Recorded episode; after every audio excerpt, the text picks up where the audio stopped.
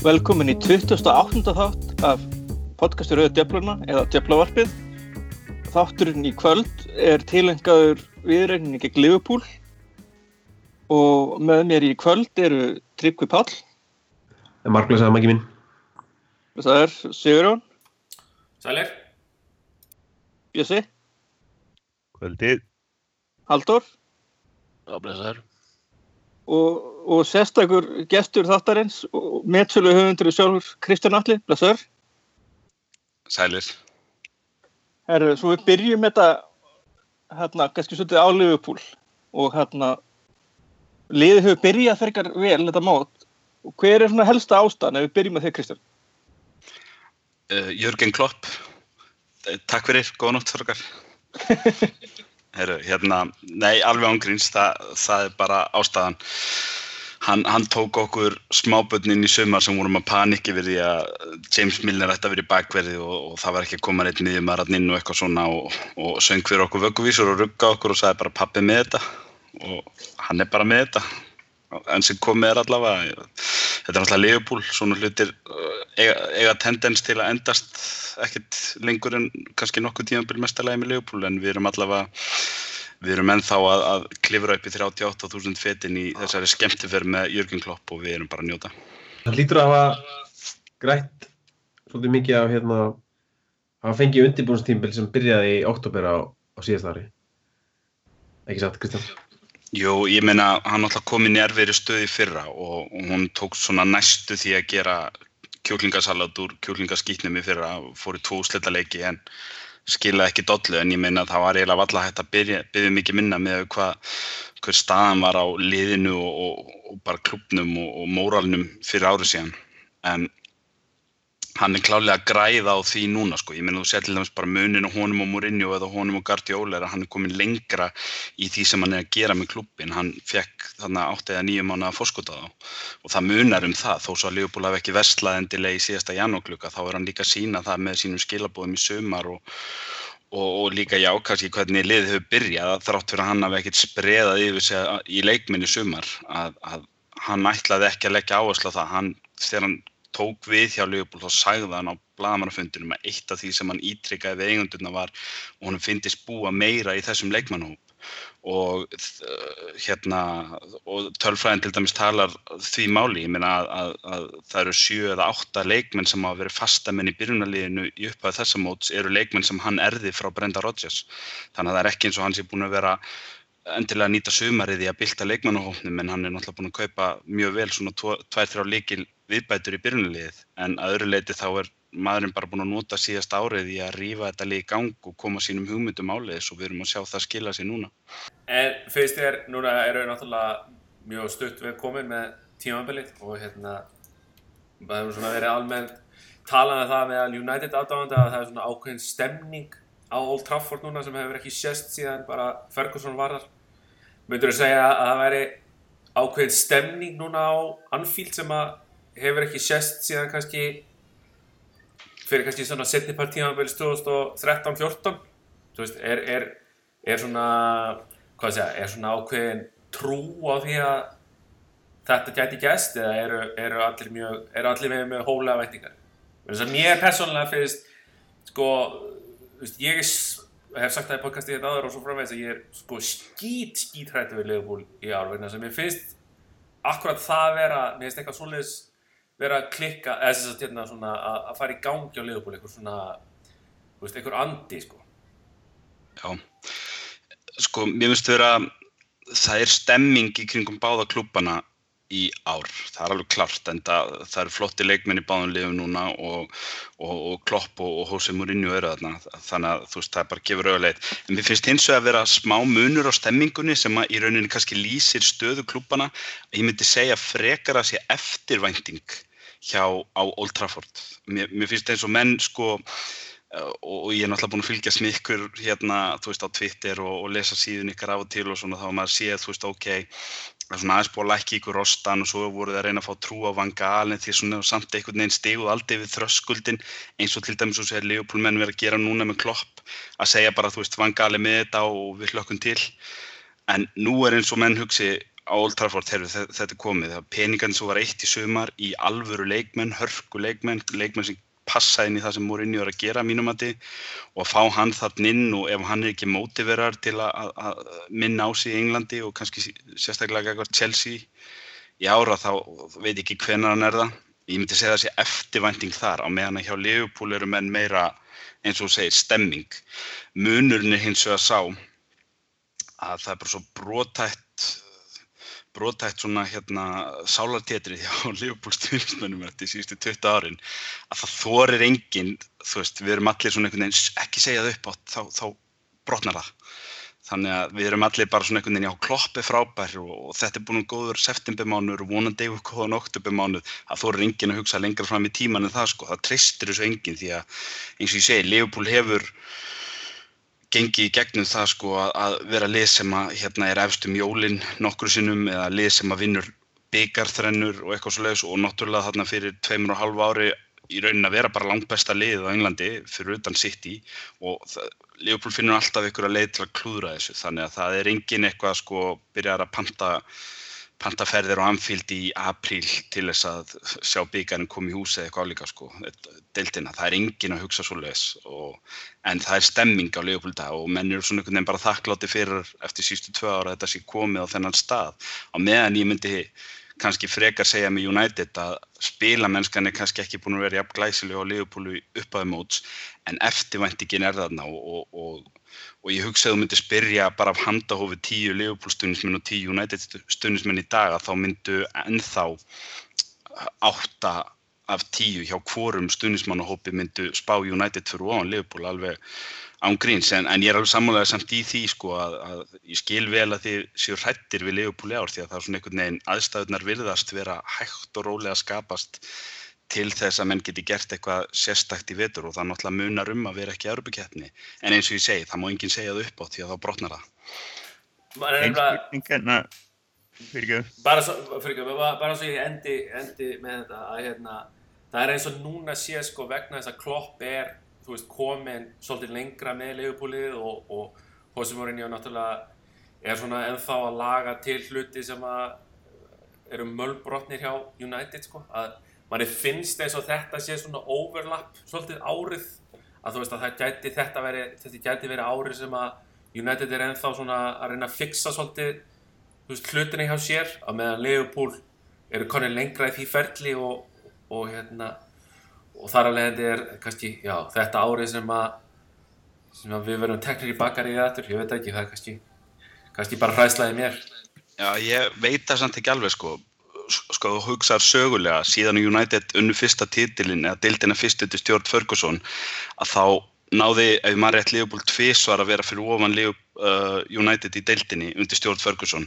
Og í bæði skiptin að þá svona laumast Liverpool upp í annarsæti án þess í rauninni að vera endilega með í sko titilbártunni og svo náttúrulega kemur 2009 sem er þá hérna þriða skipti sem að Liverpool næra öðru sæti á þessu titla tímabili hjá Ferguson og United og þar er Liverpool alltaf í titilbáratu og alltaf í öðru sætinu en, en næra aldrei United United bara neituðu að tapa það vorið og hérna og gáðu þetta ekki eftir en svo náttúrulega kemur þetta 13-14 sísón sem er svona undantekningin á þessari regli og Liverpool hafa verið í 5. til 7. sæti á þessum áratug og það lendir liðið í öðru sæti og klúrar svo lokametrum en þar sko þar er Liverpool betra en United. Ég myndi segja að það sé eina tímabili bara síðan Liverpool var síðast mistari sem að Liverpool var betra lið yfir veturinn heldur en Manchester United.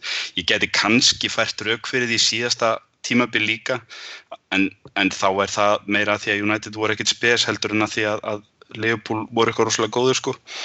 Í ár veit ég ekki sko þú sér það hver er munurinn, tvö stig, þrjú stig og við myndum segja að United séu búin að vera í bastli og Liverpool búin að vera alveg flugir og munurinn er samt ekkert mikið meira en þetta sko. Þannig að, að hérna ég myndi ekkert eitthvað bóka það en auðvitað getur það gest, það er alveg ljóst Liverpool er að sína það að það gæti alveg gest í fettur en ég myndi ekki bóka það að, að Liverpool séu betra lið en Manchester United bara byggt á einum september mánuði sko Einn spurning sko, að ég veit ekki en það er fúslega, ég horfa að líta á fótbolta nema mínu lið sé að spila, þannig að ég hef ekki síðan um einhvern svona létt highlight af Liverpool. Það eina, sko ég bara svo að komið fram, þá held ég að hérna sitt í rulliðis upp einhvern tíman í mars, jável en hérna, sko það eina sem að ég er að vonast til núna eftir að hafa heyrt hvernig Liverpool er að spila og er að standa sig vel uh, náður að halda þess út heilt sísón Er, er þetta leik, sko ég hef ekki séð leikina, er þeir að spila þessa hápressu og þennan intensive bolta sem maður er að heyra þeir spila, er þetta, það er þetta ekki alveg okkvæmlega hérna condition? sko, sko heimspekin hjá Klopp er að þú ert með 11 leikmenn á vellinum og markmaðurinn hleypur ekki mikið þannig að þú ert í rauninni með 10 leikmenn sem að þurfa að hlaupa 12 km hver. Ef að liðið nær 120 km yfir leik, yfir 90 mínútur að þá jafngildir það því, segir hann, að vera með aukamann á vellinum. Það er heimspekin hans, hann gerði þetta með Dortmund hann byrjaði að þróa þetta þar á með Mainz og nú er hann að gera þetta með Liverpool og það er bara þannig, ég meina ef þú horfið til dæmis á tölfræði, Sky hentum upp tölfræðum daginn.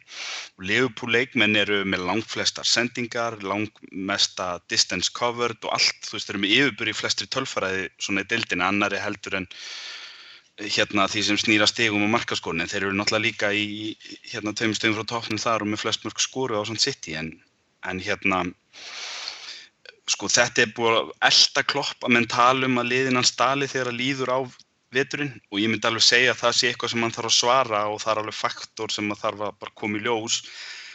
En ég myndi segja að það gerist ekki á þessu ári, það á bara ekki að gerast þegar að menn eru að rótera liðinu mjög mikið í deildabíkarnum og örgulega FA bíkarnum eftir áramót líka og þá er bara verið að spila 38 deildaleiki yfir nýju mánu þannig að ég myndi ekki búast því að, að, að þú veist, ég myndi allavega ekki ef að þið eru að hugsa um þú veist, leiðir til að stinga Liverpool ref fyrir rass þá myndi ég ekki vera eitthvað að veðja á það að Liverpool bladran missi loft í februar, mars, apríl endilega. Ég, það, það, það er ekki það sem að mun fella Liverpool í vetur sko. það verður þá kannski frekar meðslavesen eða skortur á breytt í líkilstöðum og an, an, annað slíkt sem geti komið til fyrir utan það náttúrulega eins og ég segja að, að Leopold finn alltaf leiðir til að sigra sjálf á sig. Það er óbúslega brotættur mórallin sem er alltaf verið að reyna að byggja upp. Þetta er svona eins og að reyna að fara til út í geim með flugdrega þetta er greiðalega brotætt og hérna eitthvað tíma þurfum við að ná yfir þessa hindrun og vinna þessa helvit steild en, en hérna ég veit ekki hvort að það gerist í árendilega en, en, en það er svona hægt og rólega þá er maður að fá smá bjartinni Já, hérna, hvernig heldur að, að þessi leiku verður laður upp af klopp? Þungarokk. Það er bara þannig, hann talar um það þannig hann reyndar uh, er ekki hrifin að því að hérna, þetta skulle bara vera kallað þungarokksfótbolti núna en það er ágætis lýsing á þessu. Hann er ég meina, byrjunlið er segið sér nokkuð sjálft, hann verður ekki verið að breyta því á meðan lið er að spila vel og það er mér að segja þýtt að menn eins og Emre Can og Daniel Sturridge sem voru nánast ómissandi á síðustu leiktíð hafa þurft að sitja bekk og hérna og e ef að það er engin meðsli það eru reyndar smá vafa atriði með tvo af þremmu miðjumönnum hjá liðinu sem hafa verið að spila mótið hinga til en að öðru leiti þá býst maður bara við sama liði og venjulega og, og maður veit bara hvað þeir koma til með að gera. Þeir koma til með að pressa United og pressa þá hátt upp á vellinum og reyna að kaffæra þá. Og eins og ég segi hlaupa það mikið að það sé eins og þau séu með aukamann á vellinum það er hans heimsbyggi og hann vill að menn finni fyrir því. Og lið hafa verið að finna fyrir því hvort sem það hefur verið Leicester á Anfield eða, eða Chelsea og Arsenal útvelli þá hafa lið verið að finna fyrir því í upphæðu móts og hérna en, en við vitum það eins og það er að það er alveg hægt að finna svör við svona spilamennsku og ef ég ætti að veðja eitthvað sem við höfum svör við þá er það hérna blessaður sjósei vinnur okkar frá Portugal Já, svo, svo við, hann fer á, á Anfield og, og já, hann, hann allavega kemur með einhverja útværsla á rútunni, sko. Það held ég að, hann, er- hann er með meira próf allavega, það er reyna.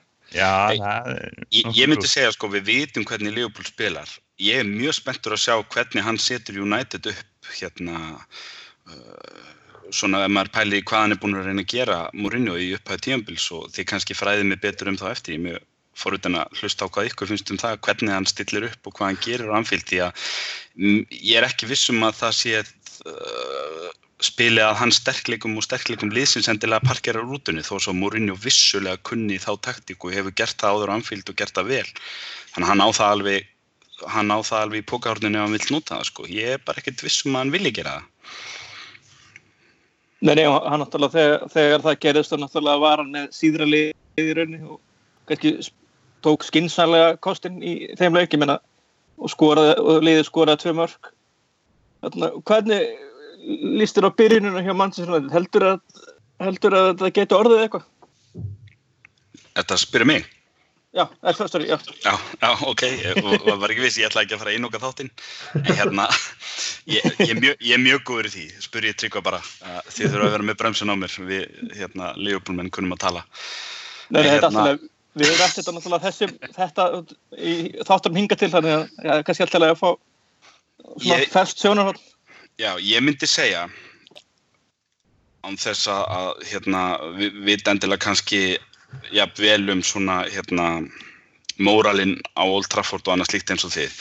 En ef að þetta er brösu að byrjunin, þar sem að menn töpuð þremur í röð og annað slíkt og þeir eru fimm stegum frá toppnum og hérna og hérna þremur stegum frá meistaradildasæti að þá myndi ég ekki segja að það sé það slæmt sko. Ef, ef að Mourinho komin yfir eitthvað þröskuld með liðið að þá hérna að, að þá myndi ég ekki hafa áhyggjur þó svo þeir séu aðeins byrjar að elda strax núna en, en það náttúrulega er áhyggjuefni að sitt í séu efstir ef við erum að hugsa um titilinn og, og, og þeir eru búinir að koma á ykkar heimaöll það er vissulega áhyggjuefni og, og, og það náttúrulega er ekki þægilegt kannski að vera aðeins eftir á svona strax í upphæði móts og vera á leiðinu anfíl gegn sjóðheitu legjupúliði því að, að hérna, þú veist það gerir þetta bara erfiðar að ætla að tapa anfílda mándaginn en þetta tímpil nýju mánuður og það er einn og hálfu búin eða hvað er eða tveir. Þannig að það er bara nóg eftir og ég held einhvern veginn uh, þú veist, ég held að hann sé með efnivinn, hann er með leikmennina hjá United. Uh, maður er kannski ekki samfærir um allar stöður ég til dæmis ekki samfærir um bakverðin ennþá hjá okkur til dæmis. Uh, og hérna, en ég held að hann sé með efnivinn til þess að, hala en vel að stigum og við vitum það líka og, og Ferguson er búin að skrifa bókinu og biblíunu og símaskrána um þau fræði að þessir, þessi deilt hún vinst og tapast ekkert endilega á stórleikunum, hún vinst og tapast á því hverjir eru dugleira halinn gegn litlu liðunum og þeir út með Slatan og, og Pól Pogba og sjóðheitan Rashford í liðinu þá, þá held ég að það kom til með að ganga vel hjá múrinu. En þetta Já. verður sko aldrei spennandi að sjá einmitt hvernig hann leggur upp og þetta er sem sagt, þetta er svona fyrsti kannski hjúts útileikurinn sem við lendum í. Og það verður mjög spennandi, hann hefur verið að, að sko partúsa við það hvernig hann á að leggja upp miðjuna og svarið við spurningunni sem við erum búin að býða eftir að verði já er orðið já, við Rúni er ekki með lengur. Og hérna það verður rosalega spennandi að sjá hvernig hann leikur upp en ég held ég getur lofað þér einu Kristján allir það verður maður með mikið hárin á vellinum það verður sko ég, ég er Ég alveg veit, ég veit það.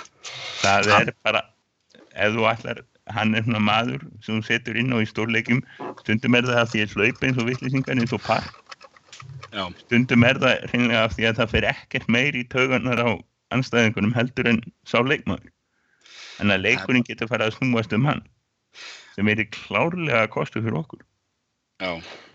Hérna, Já, ég, ég hugsa að Mourinho hefði svolítið verið að horfa á hérna, United Liverpool á Anfield 2000 og voru 2015 eða það í 2-1 leiknum með matarskóraði 2 mörg og þá einmitt pressuð Liverpool alveg rosalega hátt á, á hérna, United. En það var svo léttir United að, tundra bara að fella inn í og losa þá 5-6 leikmenn Liverpool. Og bæð minnir að bæðmörkina komið upp úr því en ég hugsa að hann sé svona kannski að horfa það kannski sem lausn á, á þessari pressu. Að hafa að fella inn í það innan til þess að kassa boltan niður. Þannig að það verður mjög áhört að sjá hvort hann gerir það. Já, ég hef séð fella inn í spila tvisvar anfíld, einu sinni með Everton og einu sinni með United. Hann er bara eins og einhver svona eitthvað X-Men mutant dæmi, hann var bara hannaður á, á rannsóknastofu í þeim eina tilgangi að spila vel á anfíld. það, er, það er bara þannig, hann er óþólandi, hann er, það, það er engin leikmaður í heiminum sem pyrra jafn mikið. Ég geti kipt Messi og Ronaldo og ég myndi samt hafa ágjörði hvort að fella í var að fara að byrja þennan helvítsleik eða ekki. Það er, er bara þannig, hann er, hann er ótrúlega, það, það sem hann gerir svo vel er, þú þyrtir helst að hafa miðvörð á eru, miðvörðinir í deildinni eru þeir einu sem ráða við hann líkamlega, það er engin miðjumæður í deildinni sem ræður við hann líkamlega í loftinu og, og í þessum hlutum sem hann gerir. Og hann er ofbóðslega snjall í því sem, því sem hann gerir.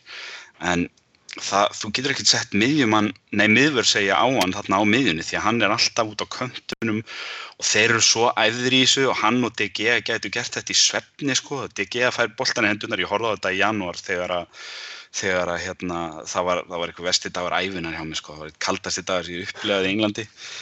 Og var alveg einhverstað út í hopni á koppstúkunni þegar að Rúni stælusum leik. Og fellaðin í gerði þetta þar sko, maður horfið á DG að var byggt fyrir neða mig. Og hverstin sem hann fekk boltan í hendunar þá var alveg saman hvar á vellinu fellaðinu var, hann bara bendir á annarkot kantinn og svo er hann farin þangað. DG setur háan bolt á hann sem gefur honum séns til að komast út á kantinn því hann er ekki svo fljótasti og hann bara kassar hann niður. Það, það var alltaf einhver Lukas Leiva eða Jordan Hendi svona einhver svona peð í honum. Og þetta bara rekkur á honum og svo er hann búin að koma á boltanum í leik og losa um pressuna. Og þetta er bara óþólandi hérna, ég væri mjög til í að hann fengi kvefið ælupest á sundarskvöldi. Þetta er einmitt sko, mér finnst þetta svo skemmtilegt fyrir boltan og þetta er ennþá, þetta var alltaf hérna, það er þessi, þessi specialist leikmenn sem eru kannski, við sko getum örgulega klift saman í heilt podcast þar sem við höfum rætt um fæla inn í gennum tíðina með og móti og aðal og móti. En svo, svo eru bara svona leikmenn að þú, þú er með ákveðna ákveðin hlutverk í að vel ákveðnum leikjum þá tekur eitt leikmann og hann leysir það. Þannig að já, já, hann, er, hann er kannski hann er kannski rangum aðeins fyrir United í nýju af hverjum tíu leikum en á Anfield þá, þá ætti þetta að vera fyrsta náttúrulega blaðan er bara þannig, hann, hann hefur sínt það umfram aðra í, á sínum ferli að hann kann þetta, hann kann að spila á Anfield, það er bara þannig.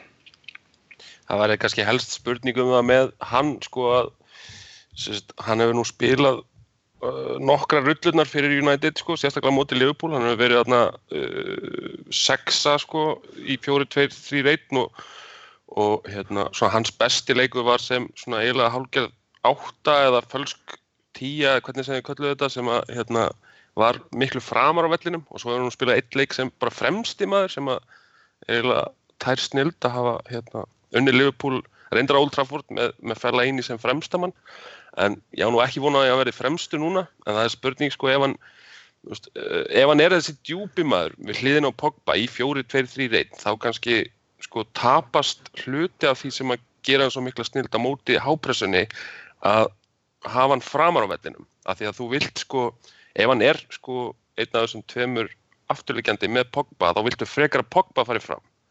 Þannig að það er þá spurning hvernig, hvernig fella eini fittar eini það og hvort það væri þá ekki betra að hafa Herrera með Pogba til þess að losa um Pogba og hvar passar fella eini þá mest, best inn í þá summu, er það í tíunni eða í hólunni í staðan fyrir mata eða út á kanti eða, eða hvað, þú veist, hvað, breyta kerfi, þú veist, ég veit ekki alveg, kannski er þetta fjóri reitt, fjóri reitt, en það er þá spurning, það væri sannilega of mikið fyrir Herrera að vera eini maðurinn, eini djúpi maðurinn í fjóri reitt, fjóri reitt og Karrik er ekki með lappinnar alveg í það að mæta Liverpool núna, sko, þannig að ég veit ekki alveg, þetta er nefnitt, ég er búin að vera að pæla mikið í þessu, hvað, hérna, það er ekki bara spurning um hvaða leikmannavelur, það er líka spurning um uppstillingu í þessu líka kristallast kannski svona vandamál uh, United tímbilinu og svona tala um þetta svona hálfbröðsjöbyrjun og ekkert verið allslæg en það er einmitt þessi miðja og við erum alveg rættið það þú veist það, hvar ætlar að hafa Pogba til þess að koma til þess að hann njóti sín sem best sko? Og, og, og að mínu viti er þetta svolítið líkt vandamál sem Liverpool stóð fram með fyrir með Steven Gerrard sko. Það er alltaf góð leikmað, hann getur alveg leist allar stöður vel en það þarf að finna þessa einu stöðu sem hann er bestur í og til þess þarftu eiginlega að hliðra öllu liðinu sko. og mér finnst voruðinu ekki endilega hann er ekki fundið hérna hvað er best að vera með voruðinu gegn, gegn minni liðum þá virkar Herrera Pogba nokkuð vel. Ég held að líkitinn að því að, að, að, að losa um Pogba hafi samt verið sko, nummer 1, 2 og 3 að bekka Rúni það er bara eiginlega, það skipti eiginlega meira málu heldur en nákvæmlega hvaða uppstilling á notar? Ég held að, ég held að við sjáum Herrera Pogba miðju sko en ég held að hérna Fellaini verið fljótur að detta inn ef, að, ef við lendum undir sko. Og með mata þá í húlunni eða erstu með já, ég meina mata hefur nú hérna verið í stöðustundum á anfíld sko. Þannig að hérna búin að vera frábæð líka undanförnum sko. Já, akkurat, þannig ég held að ég held það sko, ég held að Mata verði í hólinni en, en það verði, ef við lendum undir og eitthvað og erum undir kannski í svona um miðjan setni háluleika eða jáfnveil snemmaði setni háluleika þá verður Fellaini komin inn á hana og fara hann að gefa álbáskott bara á alla sem að bara á línuverðin og allt sko. En Haldur Það hérna, minnir mig mitt sko, ég, veit ekki einhvern sko, efast um að ég muni eftir því sko, það er uppáhaldsleik, ég er gamli kallinn sko, uppáhaldsleikurinn minn á Anfield, einn af þeim, það var hérna, það var svo old school, það var 8, 10 og 6 eða 7 sko, Liverpool komið í 3-1, Steve McMahon kongur á miðjunni, þá var Norman Hvítumegin, Whiteside, settur inn á sko sem var þá hættur að vera flottur sendir og orðin allt og hægur var borðunin þögg á miðunni fyrir inn á fyrsta sem hann gerir, þetta er notabenni nýjöndi áratúrin, fyrsta sem hann gerir hann fer að stíma mán, tekur tæklingu sem sko byrjar í nýja, fer niður allan leggin og hann endar á á hérna ristin á hann það var ekki dæmt. Og þetta bara þetta var 80 og eitthvað sko. Og þá snerist leikurinn. Og United jafnaði 3-3 Fellaini gerir svona gæti gert sko löglegu 21. aldar útgáðun af þessu ef að, ef að þetta er því sem það segjum það að hápressan sé að virka lögbúl komið yfir og, og sem varamaður þá kom hann inn á og leysi svona hluti. Ég hérna, ef má kannski skjóta það inn í Fellaini gefur ykkur það náttúrulega ef hann er að koma inn að bekk að þá brjálast um og hann kemur inn. Hann breytir andrúsloftinu bara með að standa upp að bekknum ef hann er á bekknum ég sé það sko bara tvísvar hérna, hva, hann er, ó, hann er sko, hann hatar en allir hinn til saman sjá United á Anfield. Og svona hluti tekuru með reikningin þegar þú ert að stilla upp byrjunliðið að ákveða með að setja mennin að bekknum og slíkt. Og við höfum alveg séð svona leiki snúast á hlutum eins og til dæmis það hérna, hvort liðið er bara meira tilbúið stríði, hvort liðið gefur tónin þar og annað slíkt. Og það hefur nú verið eitt sem hefur fyllt Mourinho. Hann er mjög duglur og við höfum uh, til dæmis svona kannski stundismenn hinnarlegan að vera gaggrina svolítið sérstaklega á Chelsea núna í setna skipti sem hún kom til Chelsea. Þá fannst mér að vera búin að fá sér þessa aðferða. Liðin hans brjóta yfirleitt harkalega af sér mjög snemma þegar þeir vita að dómararnir eru ekki gernir á að gefa spjöldin, vilja frekar hlífa spjöldunum og gefa tiltöl. Og það gefur tónin og við höfum séð bæði hérna, nú man ekki hvort þá Ramírez sem var næstu búin að ökla bróta að Jordan Henderson fyrir svona tveimur árum síðan á Stamford Bridge að hausti.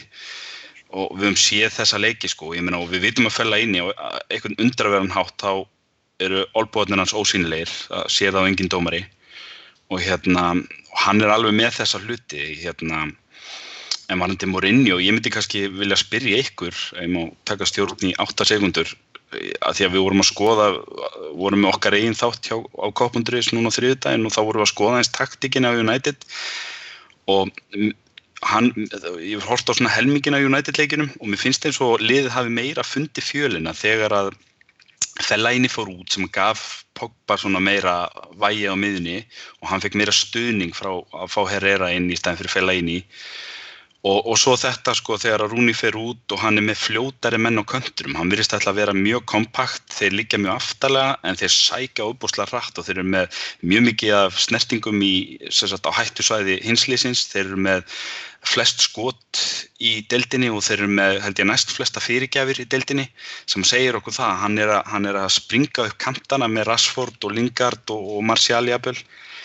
Og þetta eru hlutir sem er að henda Zlatan mjög vel og, og Pogba líka. Allt í hennu rökk Pogba í gang þegar hann fór að spila þessa taktík með fljótustrákan á kantunum þetta virkar rosalega vel ef hann ætlar að stilla þeim upp á kantunum og kannski mata í hólunni en eins og þið segið um leið og, og fella inn í kemur inn þá verður hann í rauninni að vera með hérna, ég myndi ég segja til dæmis Rúni og Mata á, á vanginu því að það eru leikmenn sem ég hef séð með eigin augum njóta góðs af leikmenn sem snillingar að spila í kringum fæla í. Ég er ekki samfærið til dæmis um að Lingard og Rashford spili að vel í kringum fæla í. Hvað þá Pogba sem er mjög mikilvægt fyrir ykkur að týnist ekki. Mynduð þið mynduð þið halda að hann komið til með að nota strákan á kontunum eins og hann hefur verið að gera undarvarið? Já, ég, ég myndi halda að Rashford sé ætti vera fyrst ef ekki annan afn að blaða með, með hvernig hann hefur verið að spila í síðustu leikum. Sko ég, að þegar varst að tala um stemningu á þann, með stemningunum sem er fella inn í, að hérna, það er ekkert, það þarf ekki að vannmeta það, ég, svo til dæmis, ég var aðeins að kíkja á leikina sem að Fellaini hefur spilað gegn Liverpool. Og ég sá hérna sko þegar Liverpool kom á Old Trafford uh, hérna í desember 2014 þá var einmitt Fellaini á miðjunni sko í 3-4-1-2 og önnu 3-0 hérna þá leik. Og hann fekk gullt á 50 mínútu Fellaini og það er svona alveg svona klassíst eitthvað það að gefa tónin með því að bara veist, strauja einhvern og fá guld sko. og ég held að sko, eins og með strákan á kantinum að þá til dæmis Lingard, Rashford ég myndi alltaf setja þá á kantin og það sem var til dæmis mjög sniðut það sem þið gerðu sko á móti Lester að þá var Mata í hólunni, Lingard var hægra megin en þeir sko og þannig spiluðu þeir þegar United var í vörn. En um leiðu þeir sóttu þá yfirleitt skiptu þeir. Mata var komin út hægra megin Lingard leist inn á miðjunæðurinninni og það gerði þeir mjög oft. Og Mata var reynda líka mjög oft komin vinstra megin til þess að gefa pláss fyrir kantmannin þar af því að það er nú yfirleitt þannig síðustu ára þá hefur verið svona leikmaður sem að kannski maður te telur freka sem strækir eða framherja eins og Martial eða Rashford hefur verið alltaf undir vinstra megin. Og það að fá Mata í sko svona flæði á milli kanta losar um þessa leikmenn. Og, og Lingard til dæmis gerir það mjög vel og það, ég, ég til dæmis persónulega myndi ég vilja sjá hann alltaf spila og það er mjög mikið stemningin, hann er svona, maður sér þessa sko eins og í landsleiknum eða bara leikin hjá United ef það er eitthvað vesen þá er hann yfirleitt alltaf komin til þess að bara svona passa upp á sína vini, sína sko félaga. Og þú vilt hafa þannig leikmenn inn á vellinum á Anfield. Það er alltaf mín sko Ég, ég verði að segja það að hérna sko ég held að liði verði nú kannski, þú veist, hvaða menn verði í hvaða stöðum, ég held að það verði svona svolítið svipa bara og hefur verið en sko hvernig Mourinho ætlar að spila þetta er ég, ég hef ekki hugmynduð að verna þetta er fyrsti leikur hans með Manchester United á Anfield.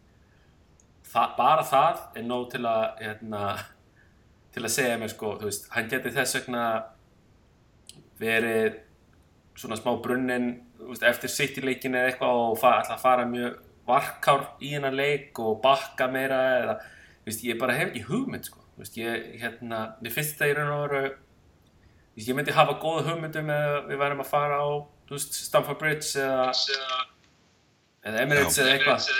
En hann er, hann, hann, hann, er, hann er vanur að pakka í vörðn og anfíld með Chelsea liðin sín og ef ég man rétt að þá er hann búin að vinna meiri hlutan af leikinu sem hann hefur spilað á anfíld síðan hann kom til England fyrir hvað 11-12 árum. Þannig að þú veist ef við ætlum að veða upp á það þá finnst mér það líklegt en Það er eitt með Mourinho sem við hefum stundum nefnt sko að það er eitt sem að við erum kannski ekki búin, búin að sjá það sko neitt mikið svo far við sjáum það betur ef að segjum að gangi þokkarlega og, og, og hjá, hjá United og það verði eitthvað þriði annarsæti nokkuð örugt velspílandi eitthvað svolítið hann er sko þetta böggar Chelsea menn óendanlega en hann er í drauma djópinu þetta er djópið sem hann ætlar að enda fyririnn á helst með einhverjum sko tíu árum ef hann getur. Og hann, vei, og hann, hann, sko, hann eitti atvinnuleysingtímabillinu sinu í að stúdara United og sækjum starfi í United ef að sögurnur eru réttar og hann veit það hann er ekki að fara að spila reglulega. Hann getur gert á til. Og, en hann þarf, að, hann þarf að spila þokkalega og held mjög skemmtilega fótbolta. Hvort það hefur áhrif núna svona snemma gegn Liverpool sem er búið að vera þetta gott það veit ég ekki. En hann mun öruglega hafa og hann mun kannski, sko það sem ég sé að hann geti nýtt það þannig er einmitt að hafa Linford á kantunum Rashford og Lingard. Frekar og svo taka kannski aðeins minni á hættur aftar.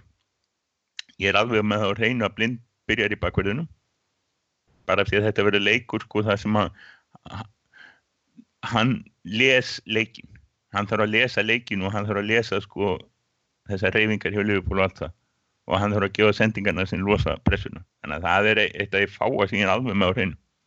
Hann þarf líka að gera hann þarf líka að taka hotspinnar það er eitt. En hann breytir samt ekki fundamentally sko hérna filosófísinu bara fyrir þennan leik. Þú veist, hann er og þetta verður marg rætt náttúrulega af öllum að hann er í business að ná í stig. Þú veist. það er nummer 1, 2, 3, 4 og 5 hjá honum. Og ef það þýðir að spila ljóta fótbolta þá gerir hann það.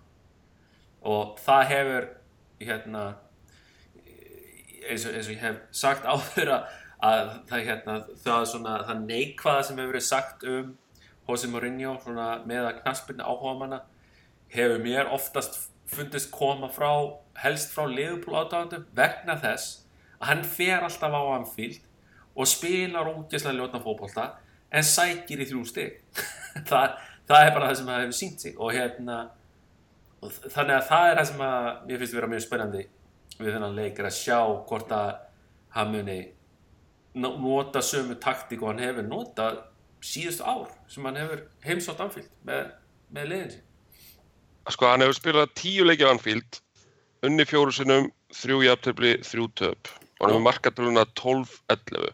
En sko, það sem maður má samt ekki Það gleyma... kemur reyndar óvart, ég held að það væri mun ég, já, ég Já, held að það væri mun hérna, meira í hans, hans Þið, þið verða að hafa í huga, þið, e, e, hérna þessi tölfræði, er hún fyrir allar keppnir eða deild? fyrir alla kjarnir. Fyrir uh, Champions League Já. og, og allt þetta. Le, Le, Leopold vann á tvísvar í mistardeldinu þetta, þannig að taktu það út.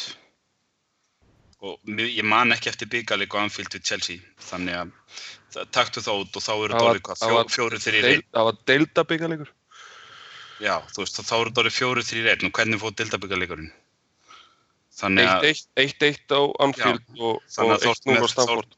Þá ertu með fjóru tveir eitt leik, sem sagt fjóru tveir eitt tölfræði á Anfield í deildaleikjum. Hitt er, hitt er bara allt önnur ella hvernig Jose Mourinho og hvernig leik, þjálfarar almennt stillir bótivelli í svona heim og heimann fyrirkomulagi í Evrópu eða deildabyggar. En deildaleikirnir, þar, þú veist, hann er alltaf að liggja í vörð og það er samt að skila fjórum sigurum í þá sjö leikjum. Það, það bara segir sínum sög. Ég held að munið samt ekki vilja tapa þessum leik af því að þetta er náttúrulega törn sem að við erum að fara í núna sko, sem, þú veist, það er, er Liverpool úti, Chelsea úti og svo mannst þetta sitt í heima í reynda deildabyggarnum en þetta er ágætist törn og það, það er, hérna, ég held að muni algjörlega ekki vilja tapa þessum leik og sigur væri mjög góð bónus. Ég, ég velti fyrir mér hvort það muni kannski eitthvað aðeins svona horfa aftur á, á City-leikin fyrir þennan leik.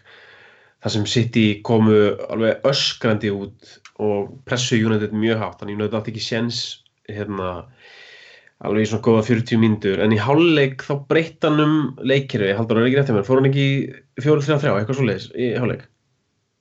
Jú, var ekki tvöf, hann- það var hann- skipting, hann tekur út og- Mkhitaryan og setur herra, herra Rashford og eftir það breyttist leikurinn alveg hérna, svakalega, United veginn svona óks ásmegin þannig að City þurfti að bregðast við og skipta fram út fyrir miðumann og mér velti fyrir mér hvort að hann muni ekki bara fara í 4-3-3 hætta þessu 4-2-3-1 og ekki mög, mögulega bara sleppa því að vera með svona hóluleikmann og hafa það Pogba kannski fremstan á, á miðinni og, og hérna hína tvo svona örlíti fyrir aftan hann en ekki svona djúpa eins og þeir hafa verið hérna, hinga til svona aðeins til þess að hérna, bregðast þessari pressu og vera þrýr á miðjunni stutt á milli þeirra og vera svo með þessar tvo kantmenn sem eru fljótir og geta þá breykað á, á bakverði Leopold Það Sko, væru, al, það væru algjör mistök hjá honum ef hann gerði það. Það er það sem Chelsea gerði á Stamford Bridge gegn Klopp núna fyrir þremmu vikum.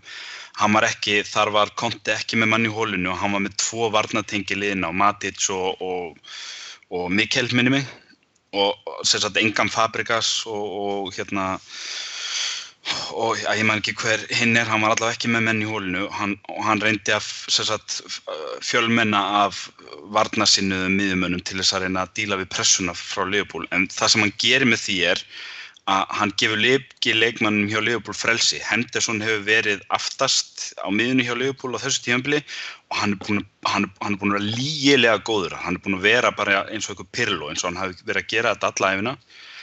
Ef að menn gefa honum það frelsi að þurfa ekki að hafa áhyggjur af manni í hólunni hjá United þá slátru ykkur. Þá er ég til í að spá þessu 3-0 núna sko. Alveg ángrín sko. Það er, það er svo mikill líkill að því sem Klopp er að gera. Ef að Mourinho búin að vinna heimaðunum sína þá myndi ég fastlega búast til manni í hóluna bara til þess að halda hendur svona uppteknum og þurfa að áhyggjur að ykkur geta ekki bara stýrt pressunni frá, frá miðjupunktunum. Já, en ég er að segja það, sko, ekki vera með svo tvo hann hefur verið með sko fjóru og þessi tveir hafa verið mjög aftalagi vera með alla miðjuna miklu framar heldur hann hefur verið skilur við, þannig að Pogba væri þá framalega og hann myndi okkupa þetta pláss sem Henderson er að taka. Þá þurfti Henderson alltaf að fara að díla við Pogba sem er svolítið mismatch. Uh, fattar þið hvað er að fara sko. Þannig að er, veist, mið- öll miðjan er þið framar á vellinum heldur en hún hefur verið uh, í þessu 4, 2, 3, 1 kerfi hans. Já, skilji. og Pogba er þá í svona semi-hólu en samt kannski ekki alveg þar og fengi þetta, þetta svona frjálsal hlutverk sem við erum bara að býða eftir að hann fái til þess að hann svona einhvern veginn þurfi ekki að vera í þessu varnarhlutverki heldur bara uh, styr, allir styrklingar hans fá að, að njóta sín Það er mjög áhugavert að fá að sjá Henderson á móti Pogba ef hann myndi stilla því upp þannig að Henderson ætti að dekka Pogba og hann myndi setja Pogba til höfus Henderson í svona leik. Það er gríðarlega áhugavert. Ég held að það geti verið einn af fáum miðjumönnum sem að hefur Henderson maður og mann í hérna, þessu formi sem Henderson hefur verið í eða á allavega að breyki hann því að við erum búin að fara út í velli gegn Arsenal, Tottenham og Chelsea allavega og þeirra leikmenn hafa ekki átt breyki Henderson ennþá sko. Ég vil sjá fleiri svona no look sendingar á Henderson. hann sparað þær fyrir ennska landsliði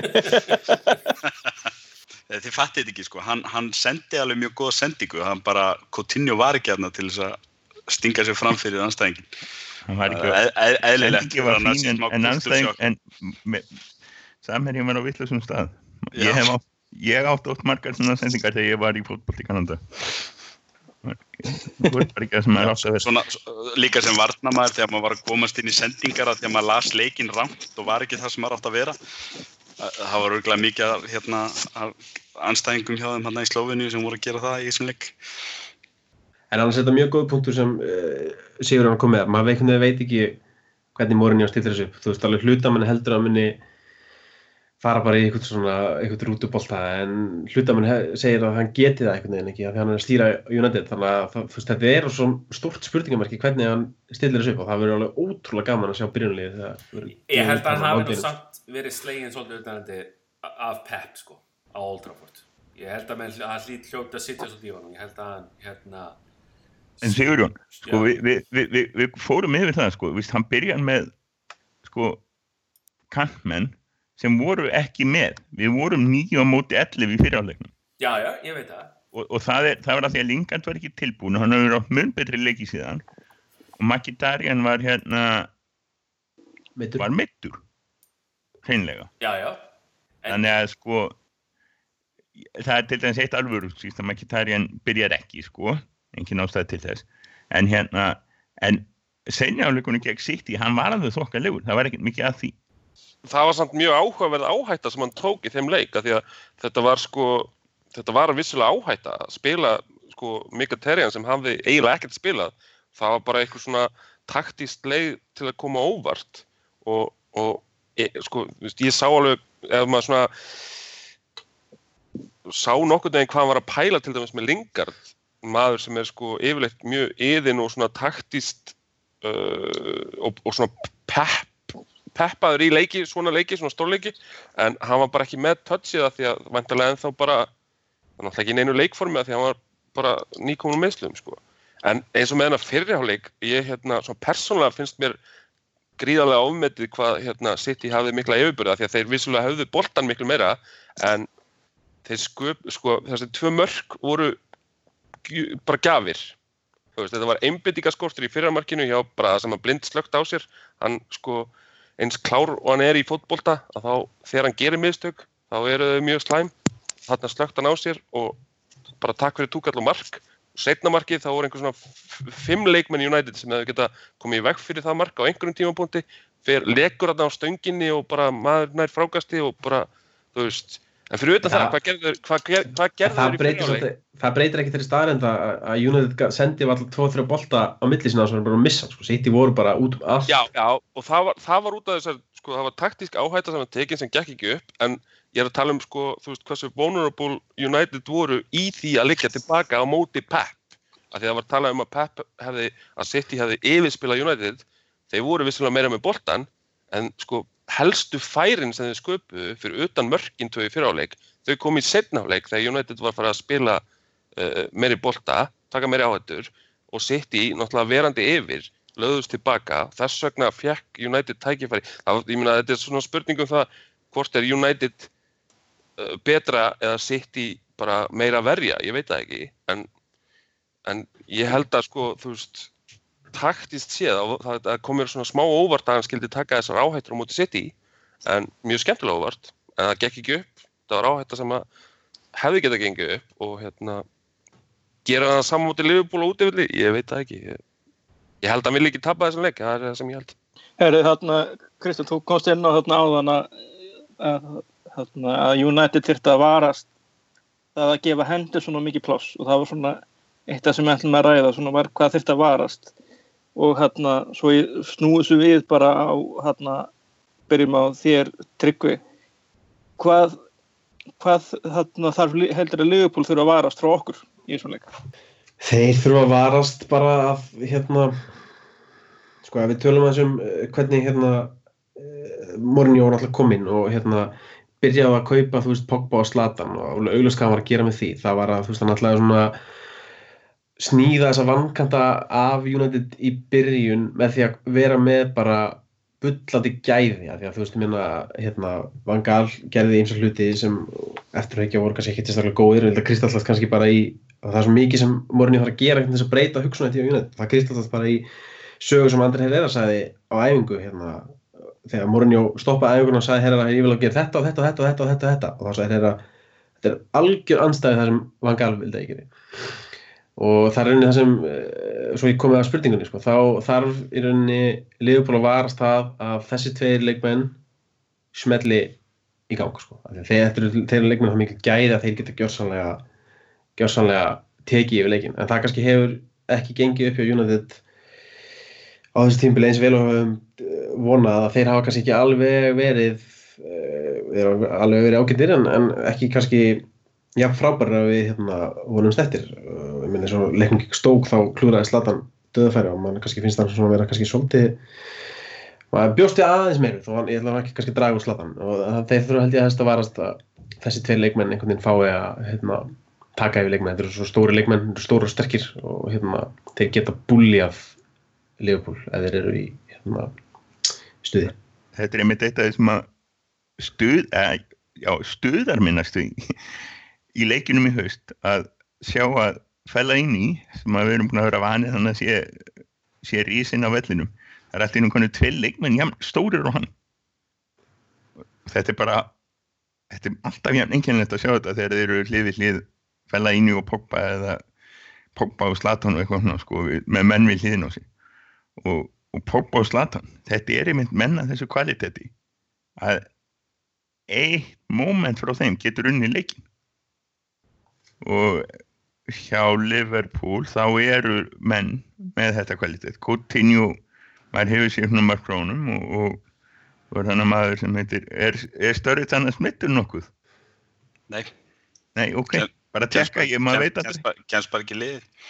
Nei, en hann gæti komið inn og, og hann er það er ekki ágætt ef hann á að spila ég menna, er ekki ágætt að hafa hann sem varmann og láta hann koma inn á, ég menna hann spila hvort mér alltaf 50% á leikjum þannig að það er ágætt að hafa hann 50% á öllum leikjum heldur en hann gæti komið inn í liðið ef að Lallana er mittur sem er svona teft Lallana og Jorginho Wijnaldum eru eru hérna tæpir á miðjuna hjá Leopold það endar er hérna uppbálsfretti mín í þessari viku. Það er vittleysan um að, að samsæðiskenningin um að Danny Blind hafi viljandi spilað Wijnaldum tæpum í 90 mínutur á mánudaginn til þess að slasa hann af því að Daily Blind er í United. Það, það er miklu uppáldi hún er bótt að ég er að rannsaka málið þetta er frábært sjálfur er hollendika hann fórnaði einum af sínum mönnum í forgetninni af því að, að Daily Blind er að fara að spila í Leopold er það, er það þá er, er svo afsökun, er hún þá að fara að toppa afsökunum um það að dómarinn býr í Manchester? Hún var fólk hún er æðislega líka. Það er margt í þessu. Það, það er bara spennustíð er hátt og menn eru byrjaðir að, að þú veist, benda skórimarnar hjá hverjum það er allt tínt til fyrir svona leikjum og Rinju líka byrjar að tala um að þetta sé á erfum tíma út af Fenerbahce. Þannig að ég er uppið deildinni, ég er enda sammálunum í því. Og þú veist, menn eru bara byrjaðir. Það, hérna, sálfræðistriðir hafið. Þetta verður rosalega skrítið einu leiti sko, að hafa þetta á mánuðus kvöldi að hafa eitt dag í vinnunni með Liverpool-mannunum til að undirbúa þetta í staðin fyrir að þetta komum helgi sko og svo fer allt í andlitið á manni eða maður setur allt í andlitið á einhverjum á á mándagsmónni sko Þetta munur ekki svo miklu ef að Leopold tapar þá þarf ég bara að taka mig frí og vinnun á þriðjudegi í staðin fyrir mándi. það er bara þannig. En það er Er það svo slemt hjá þér? Það er svo slemt að það vita allir í hafnafyrir hvað skrifstofa mín er og þeir koma allir eins og kakkalakkar út úr innrettingum sko. Ef að United vinnur þá fæ ég 30 manns í kaffi, bara svona spjalla hvernig, hvernig er ég á, á þriðjudeginum. Þetta er óþólandi sko. Greinilega sóma fólk hann í hafnafyrðið maður. Já, Sigurjón hefur það besta okkur í, í þessum málum. Hann hoppa bara hjóli og svo hann á Manhattan. Það er öllum skýt saman sokkar þar. Þannig að við Já. hinn getum ekki búið þetta. Nákvæmlega, ég reyni að, að hérna að starta samræðum einhvers staðar og það veit enginn hvað ég er að tala um. sko. Nei, hérna, þegar mitt, mitt hel- hlustaði á ykkur um daginn að því voru mitt að tala um hérna, þetta landsleikja Nei, hérna fyrir ekki, hérna, hérna knassbyttusambandi að stilla liðið sem er að keppa í vikunni í Európa-keppni í kvöldleika mánuði.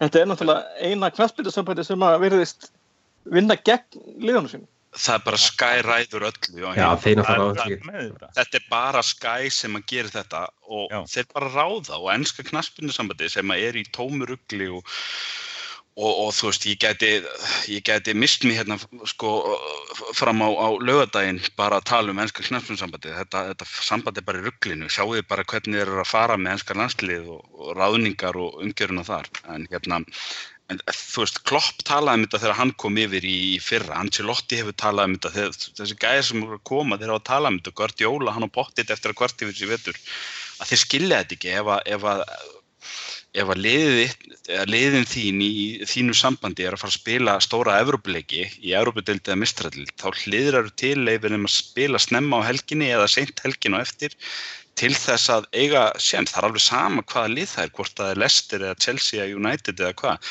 það hlýtur að hagur ennska knaspinusambandsins að því að liðunum ennsku gangi vel í Európukeppni af hverju ósköpunum, þetta, þetta skiptir Leopold-lengumáli, Leopold er ekki Európu í vetur. Af hverju ósköpunum er þessi leikur ekki á laugardegi?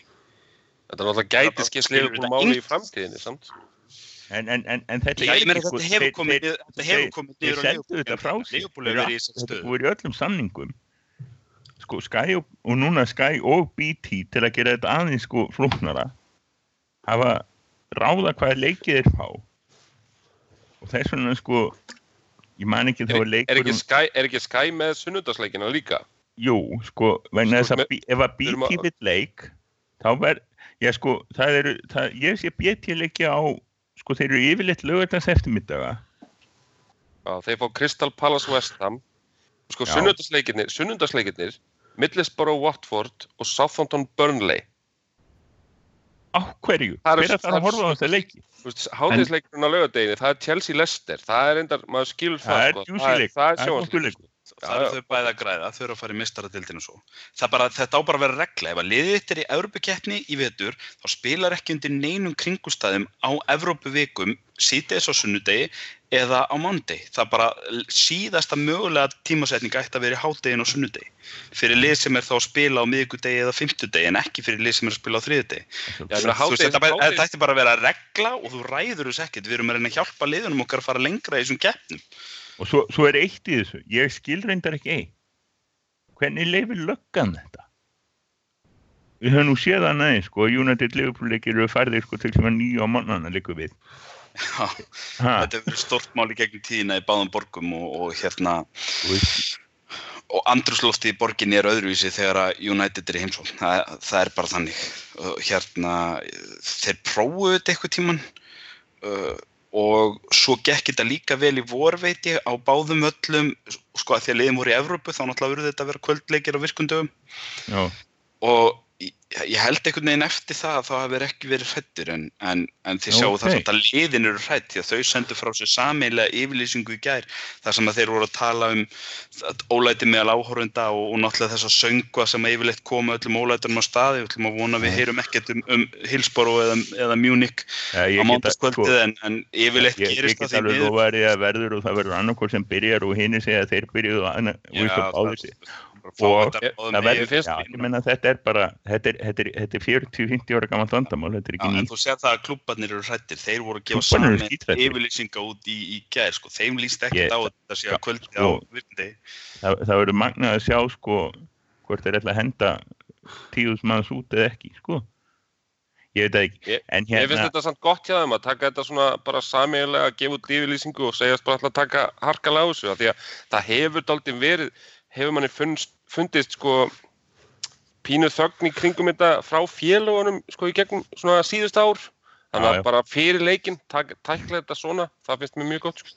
Þetta, Það er flott að hafa þetta í Hvort, að- hafi áhrif, það kemur svo bara ljós. Þetta, þetta er ekki neitt takt við tíðaranda þegar menn hafa sagt það í gegnum tíðina þegar að, hérna, þegar að slisi, flugslisi í Munich átti þessi stað og þá var það Shankly sem hringdi í Vincent Busby og, og bauð honum aðstóð og, og annað slíkt og þegar að já, Hillsborough sko, sér stað og var Ferguson á einn af þeim sem stið langt fram þetta veist- aldrei verið issue á Nei, líðanlega og Þetta er þeim finnst bara sko. óþægilegt að stuðnismennin skuli láta svona og, og þetta er fáránlegt að stuðnismennin skuli láta svona sko, að alveg saman hvor hópurinn það er sem að þú veist syngur um Hillsborough og er svo brjálaður þegar hinn, hinn er syngi Munich eða öfugt. Þetta, er- þetta er bara, því miður það eru bara vittlýsingar að núti það segja hérna enski knaspinu og menn séu ekki fjallgáðir og skemmtilegir og, og hérna dannaðir, já ok. Bara þeir íslensk bara hinn. En hérna, nei, nei, þetta, við vonum náttúrulega að þetta verði ekki sko já, þetta verði eins lítið vandamál og, og mögulegt er. Þetta er náttúrulega hva, hvað maður á eftir að taka eftir þessu sko yfir leiknum, það veit ég ekki. En, að, maður sér þetta ekki alltaf sko hvað er að gerast á pöllunum En mér finnst bara mjög flott að liðin eru samt, samstiga í að tala um þetta svona og benda að koma aðtekli á þetta og þá kannski verða einhverju svona áhörundur svona meira með á nótunum og kannski kannski smitur út þessu, maður veit aldrei. En þetta er náttúrulega eitthvað sem er mest að pláa niður boltanum. Svona fyrirbyggjandi aðgerðir þetta hefur ekki, maður hefur ekki séð mikið af því og þetta er eitthvað sem ætti í rauninni bara að vera sjálfsæðar hlutur að bara fyrirbyggjandi aðgerðir segja bara ekki vera fáiði Þetta er líka Já, en- klúbanir upp á þeirra svona þú sér um hendurna svolítið þú veist, bara Já, segja, þú veist, herri, við gáum út yfirlýsingu og við vonum vonumst til en ég besta.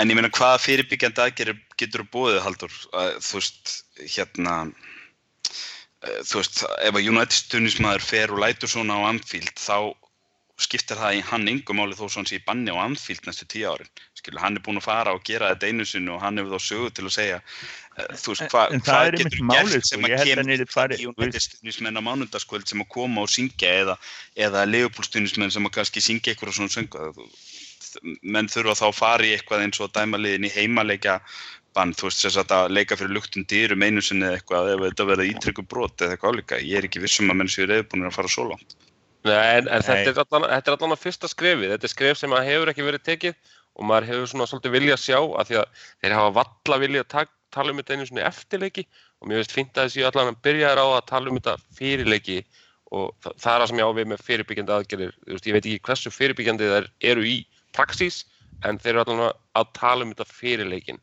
að þú veist, þeir vilja ekki að fólk sé að gera þetta. Eh, þeir eru fáutar sem að láta eins og fáutar og, og þeir þurfa þá að taka afleiðingunum af því og vonandi bara sem harkalegustum afleiðingum af því að þetta er ekki eitthvað sem maður vil sjá.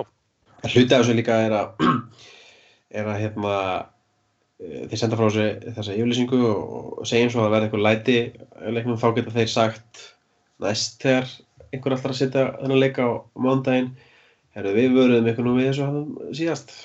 Skiljið þá er þið búin að setja út eitthvað plagg á undan.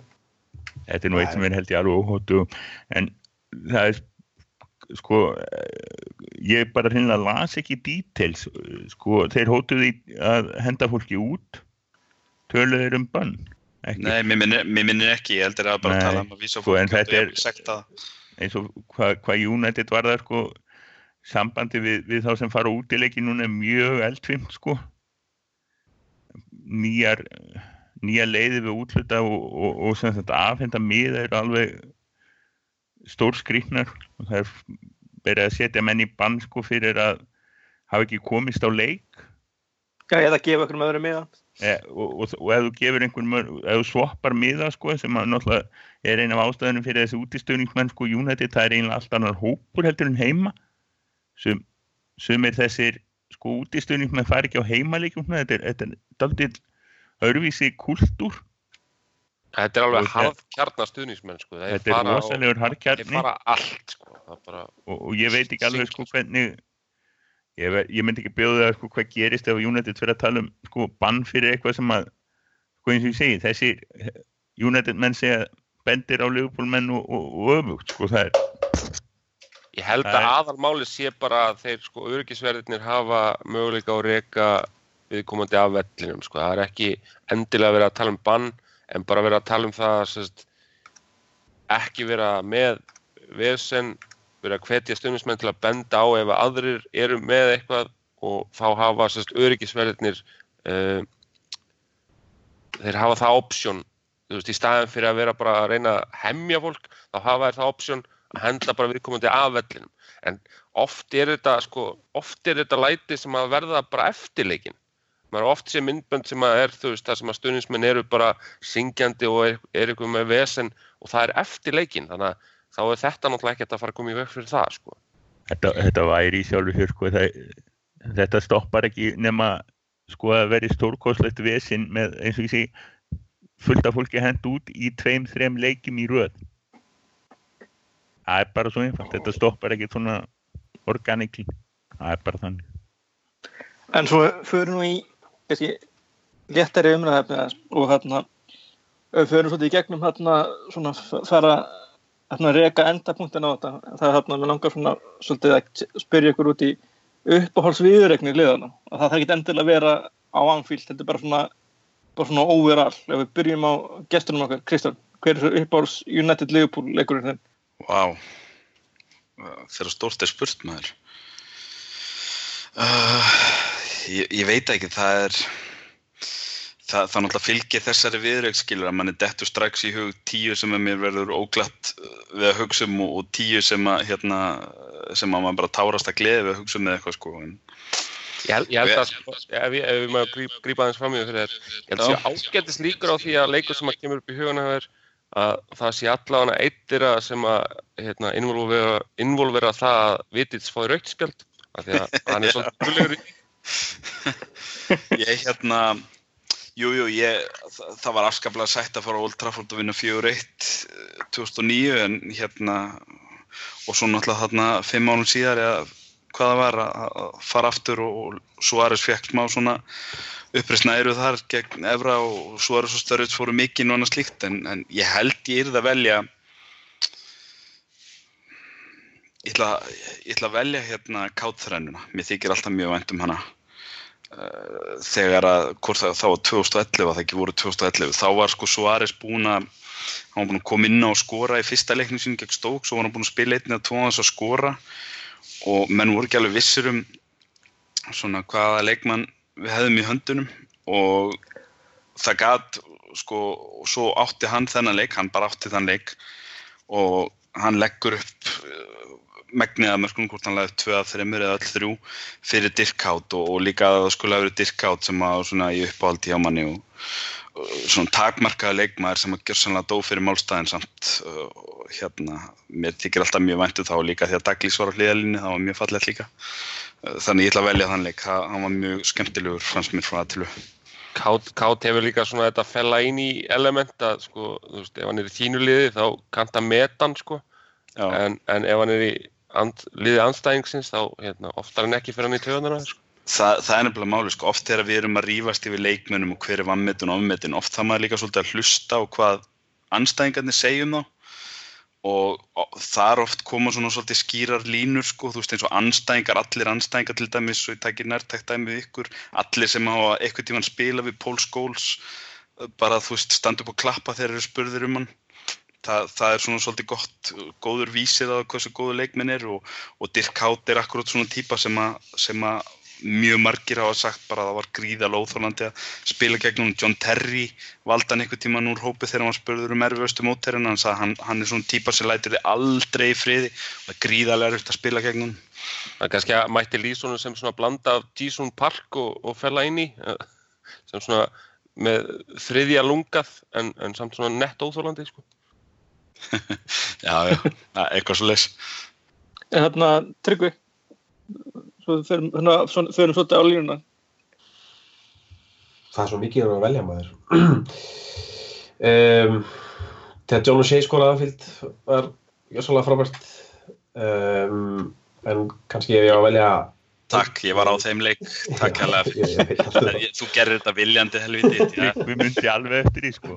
myndu að ég veit hvað er átt heima hérna uh, ef ég á að velja eitt leik og horfði út um klukkan ef ég á að velja eitt leik þá hérna held ég að sé bara FA byggari 96 að Cantona skora þetta glæsla sigurmark. Ég hérna var nýjára og ég var ekkert sérstaklega hrifin af Cantona á þessum tíma á einhverjum ástæðum. Ég fannst hann svona leiðilegu karakter. Ég náttúrulega var nýjára Ég, ég, ég veit ekki hvað þú átt heima en ég mun komast að því. ég, ég var, var ný, nýjára og en eftir það þá dyrkaði ég hann og hérna það, ja, þetta, er, þetta var svona mjög skemmtilegur ég man nákvæmlega eftir augnablíkinu þegar skoraði sko. Það er líka athyglisverð- Tappi var á þessum leik sko. aðtiklisverð staðarind með þann leik að síðasta snerting Ian Russ fyrir Liverpool það var að leggja upp þetta segumark fyrir Erik Cantona og það er svona daldið að nutta salti í sárið hjá Liverpool uh, sem gerir þetta eiginlega ennþá sætara. ég vissi þetta ekki, þetta er frábært Hann var, að reyna, að hreinsa boltan og það tókst ekki betur en svo að hann bara lagði hann bynt á Cantona sem að setja hann svona smekklega í netið. já, ég held að svona, ég fór að með, ég kom með þessu spurningu en svo hérna er einmitt svolítið erfitt að velja og ég, hérna, ég veit ekki en eitt leikur sem kemur svolítið upp í hugan er hérna, er, var á Anfield hérna, síðasta vunu titilin, það var hérna þegar að þegar að Rafael skorar hérna glæsilegt mark og, og svo það, það er Robin var Persi Víti sem skorar ég maður bara það var ótrúlega jafnleikur hann hefði getað algjörlega farið á hvort vegið sem var.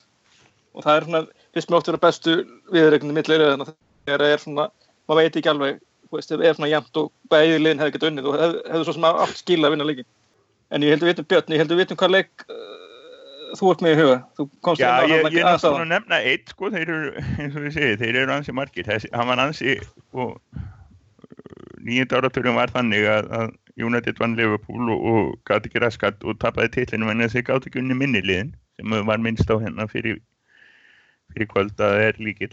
En ég vildi óska ég mynd eftir 77 leiknum. Ég man ekki raskat, þannig að hérna, ég var, man ekki eftir honum. Varstu ekki mitt nýjara eins og Ég, ég, var, einmitt, ég, var, ég var átt ára, sko. Var, var einhver annars er- annar fættur þá eða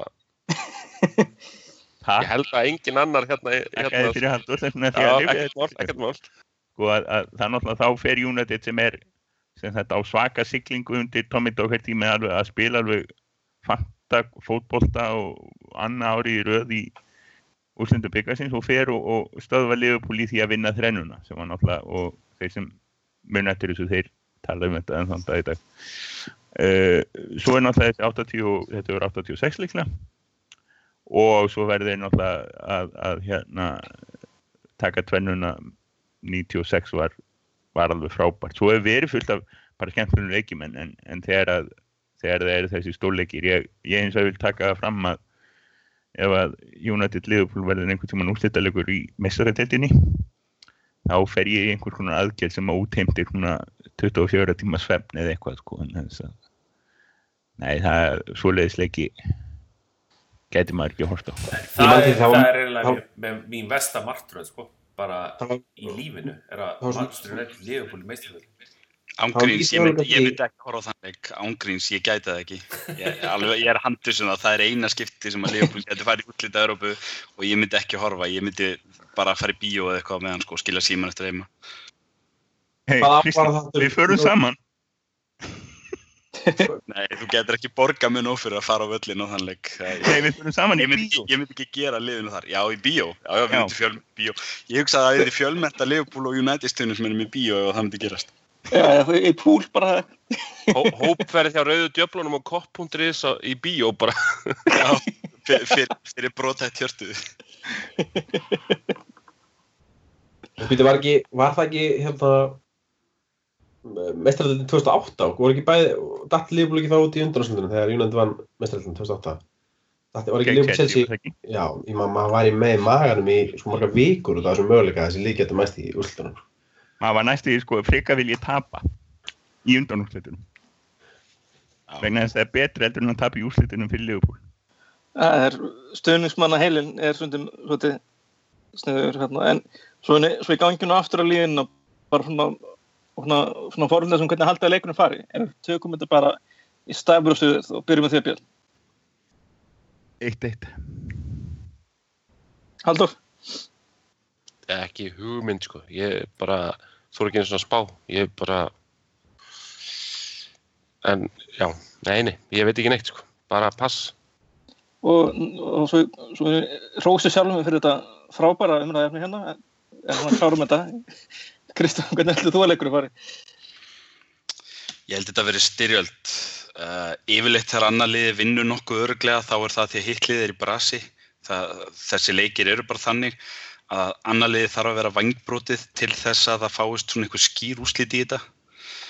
Eða þá eitthvað gerist sko, þú veist, sami uppi að færa raut snemma eða, eða þú veist, eitthvað álíka og hérna þá hefur þetta svona farið ítla fyrir annar liði kannski. En hérna, ég held að þetta bara verið styrjöld og þegar bæði lið eru svona svolítið á, á beinubrautin eins og núna, bæði á sigurbraut og bæði sterk og, og eins og þið segja stemming og væntingar og allt slíkt að þá býst ég bara við styrjöld, ég held að þetta verði erfitt, ég er nánast til að setja pening á það. Verður eitthvað svakalega umdeilt, það verður eitthvað umræfni eftir leikin, dómaramistök eða rauðspjöld eða eitthvað sem að gerist sem að hleypur öll í bál og brand og kannski setur úslitinu óvæntan farfi eða eitthvað líka. Ég náttúrulega hef leik, ég segi 2-1 sigur í gríðalegum baróttuleik en, en það verður þá alltaf, menn þurfa að berjast og íta gegn gegn anstæðingunum alveg allarlega við þröskuldinni og þá hafast í svona leik held ég. Sé mig allavega ekki, ég sé allavega ekki annar liði fyrir mér koma og vinna bara eitthvað 3-1 sigur nokkuð veld og ekkert vesinn. Ég held að vera algjör styrjöld á mándaginn. Já, ég er hérna, alveg sammálar. Ég hérna, er svo, búin að vera veldið sem leikur í mér. Ég hef svona enga tilfinningu fyrir hann með þá, en ég er skítrættur við Liverpool eins og þeir eru að spila núna og ég held að United þurfu alltaf því að eiga sko fullkomuleg til að vinna en ég held eitthvað held eitthvað með þetta, þetta gæti þetta gæti verið jættefli og ég held að þetta gæti verið stórmestari jættefli og bæðilið gæti orðið sátt við það. En svo hérna en segur hann, það segir þú? Já, ég hérna sko, mér finn ég held að Leopold sé í betra, betur start akkurat á þessum tímapunkti í á tímabilinu þannig að ég held að þeir muni ná marki tiltrúlega snemma í leiknum þú veist á fyrstu 30 mínútur með þessu og halda því hreinlega út og jafnvel skora annar markið svona seint í leiknum þegar United er svolítið að pressa fram á við þannig að ég held að þetta verði tvöma tap til miður Heldur að Leopold aldrei reynu? Ok. Já, það er enda geggjum að halda því fram ég... Þeir hafa ekki gert það en þá er dildinni, það er fínt að ykkur heldur það. Tryggvi? Ég held að þetta fari þrjú fjögur fyrir United í bara klikkasta leik sem við vorum vitnað í ennskóðarsleitinni. Spáðið þú ekki hérna 8-0 sigri gegn City vegna þess að ég... Nei, ég var 3-0 eða eitthvað. Nei, ég spáði, mannstu, ég spáði spáðir, 4-0 já, já. og þú spáði 8-0. Gerði það? Já, þú doblaði mig allavega. Já, ok.